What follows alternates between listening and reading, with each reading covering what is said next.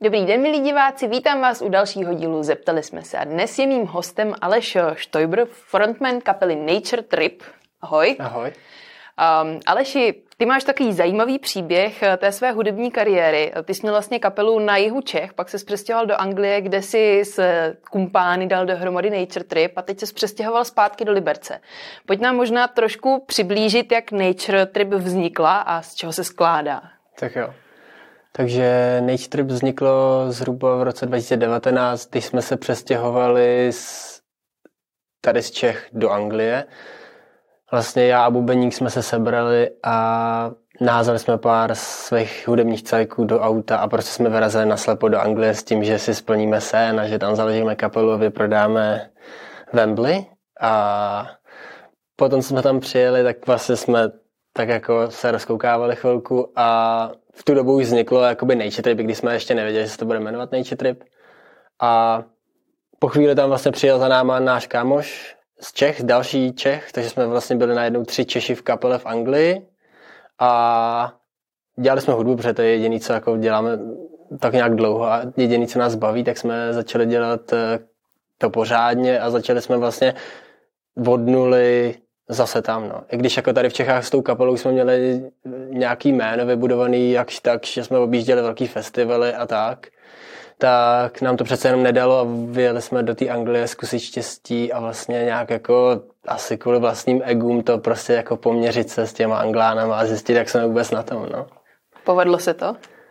Jak se to vezme, no určitě jsme si jako splnili ten sen a určitě jsme si dokázali, že vlastně úplně jedno, odkaď člověk je, že se ta hudba dá dělat na jakýkoliv úrovni, odkaďkoliv. A akorát možná je mnohem jako lepší být součástí nějaký jako živější kulturní scény v tom smyslu, že tam je spousta kapel, který jsou nám žánr, žánrově podobný a se kterými asi jakoby můžeme takzvaně prostě poměřovat jako prostě síly, no že je tam mnohem větší konkurence, čili se člověk musí dvakrát víc snažit, musí prostě takový to, co mu tady občas mi připadá, že těm kapelám padá do klína v té České republice, tak tam to rozhodně není zadarmo. A my jsme v podstatě za teď je rok 2023, tak jako jestli tam čtyři roky fungujeme, tak jsme byli schopní konečně vyprodat nějaký headline koncerty, kde jsme jako byli hlavní akt toho večera, který jsme si jako sami zorganizovali a na který teda přišlo třeba 100 plus lidí a jako nic velkého, ale už to je pro nás velký úspěch v tom smyslu, že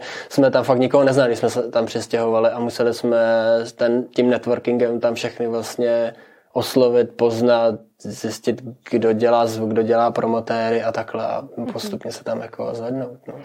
Ty jsi v minulosti v jednom z rozhovorů pro jeden nejmenovaný server řekl, že dělat naplno hudbu a k tomu se ještě uživit normální prací je fakt dřina.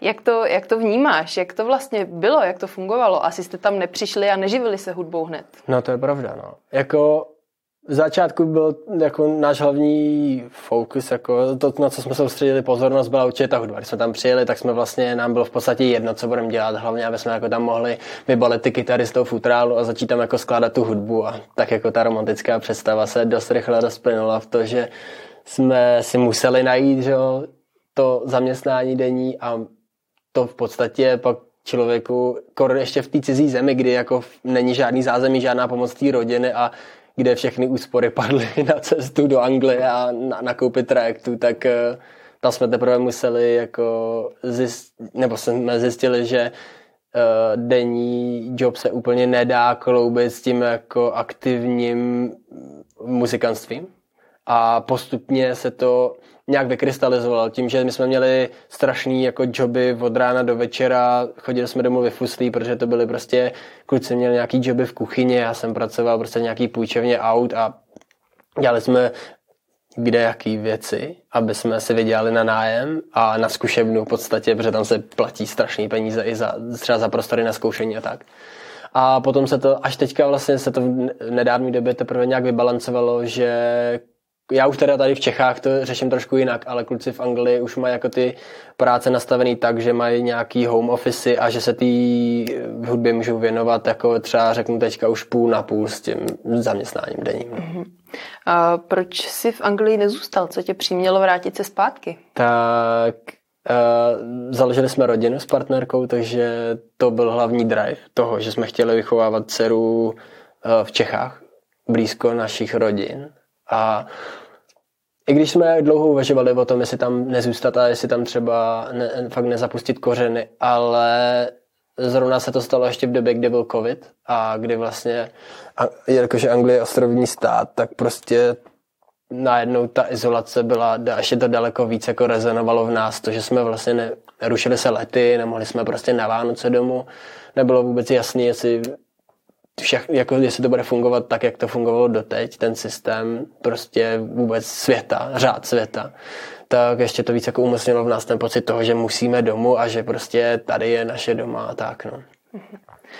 Jak Nature Trip teda funguje teďka, když ty seš tady v Čechách a, a společníky z kapely máš v Anglii, vy koncertujete vlastně, teď máte odjetou tour, která hmm. začínala v Anglii, končila v Čechách, tak jak, to, jak se to dá celé skloubit a zprocesovat, ještě i s rodinou? Ale je to vlastně, na jednu stranu je to docela plus, protože vlastně jak Británie vystoupila z Evropské unie, tak je teďka mnohem těžší pro muzikanty z Evropské unie dostat víza pro hraní v Anglii a je to celý ten proces je trošku složitý.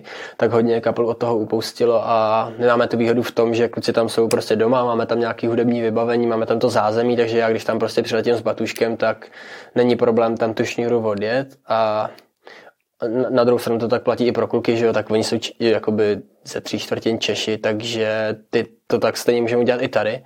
Takže to nám určitě pomohlo v tom smyslu, že najednou jsme na dvou březích. Když jsem ještě byl v Anglii, tak vlastně pro nás Čechy byly daleko větší neznámá než ta Anglie, protože tady jsme prostě ten první koncert, který jsme tady hráli, byl strašně jako surreální pocit, že jsme vlastně ne, vůbec jako nebyli, byli doma, ale nebyli doma. A teďka už se to tak vybalancovalo, že když sem kluci přijedou, tak jsou doma a já jsem tady doma a zároveň, když přijedu do Anglie, tak jsem tam v podstatě taky doma a oni taky, takže, takže to funguje. No. Pro koho je vaše muzika? Já doufám, že pro všechny. Já doufám, že jako tím, že dělá, no asi pro hudební fanoušky spíš, no. Určitě to není moc jako rádiová věc, nebo jako troufám si říct, že některé písničky klidně by mohly oslovit jako kde koho, kdo poslouchá klidně Radio Impuls, ale, ale spíš je to pro lidi, kteří jako se věnují poslechu hudby a který jako o hudbě něco vědějí a asi nejčastější složení na našich koncertech bude tak jako chlapí kolem 35. Si myslím. Skvělý. Jaký jsou uh, plány do budoucna?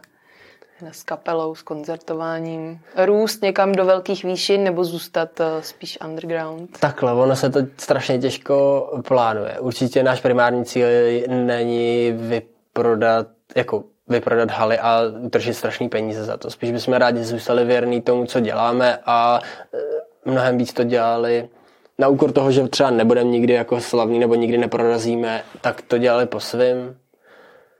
Uh, tak nějak všichni podle mě zastáváme tenhle názor. Je tady spousta kapel, který prostě to dělají spíš za tím úspěchem a kterým se to daří a není na tom nic špatného, ale tím, že už je toho kolem tolik, tak pro mě to nedává osobně smysl a radši budeme malá kapela, která do, na kterou do Azylu přijde 50 lidí, než a bude si to dělat po svým, než velká kapela, která to bude dělat podle nějakého vzorce.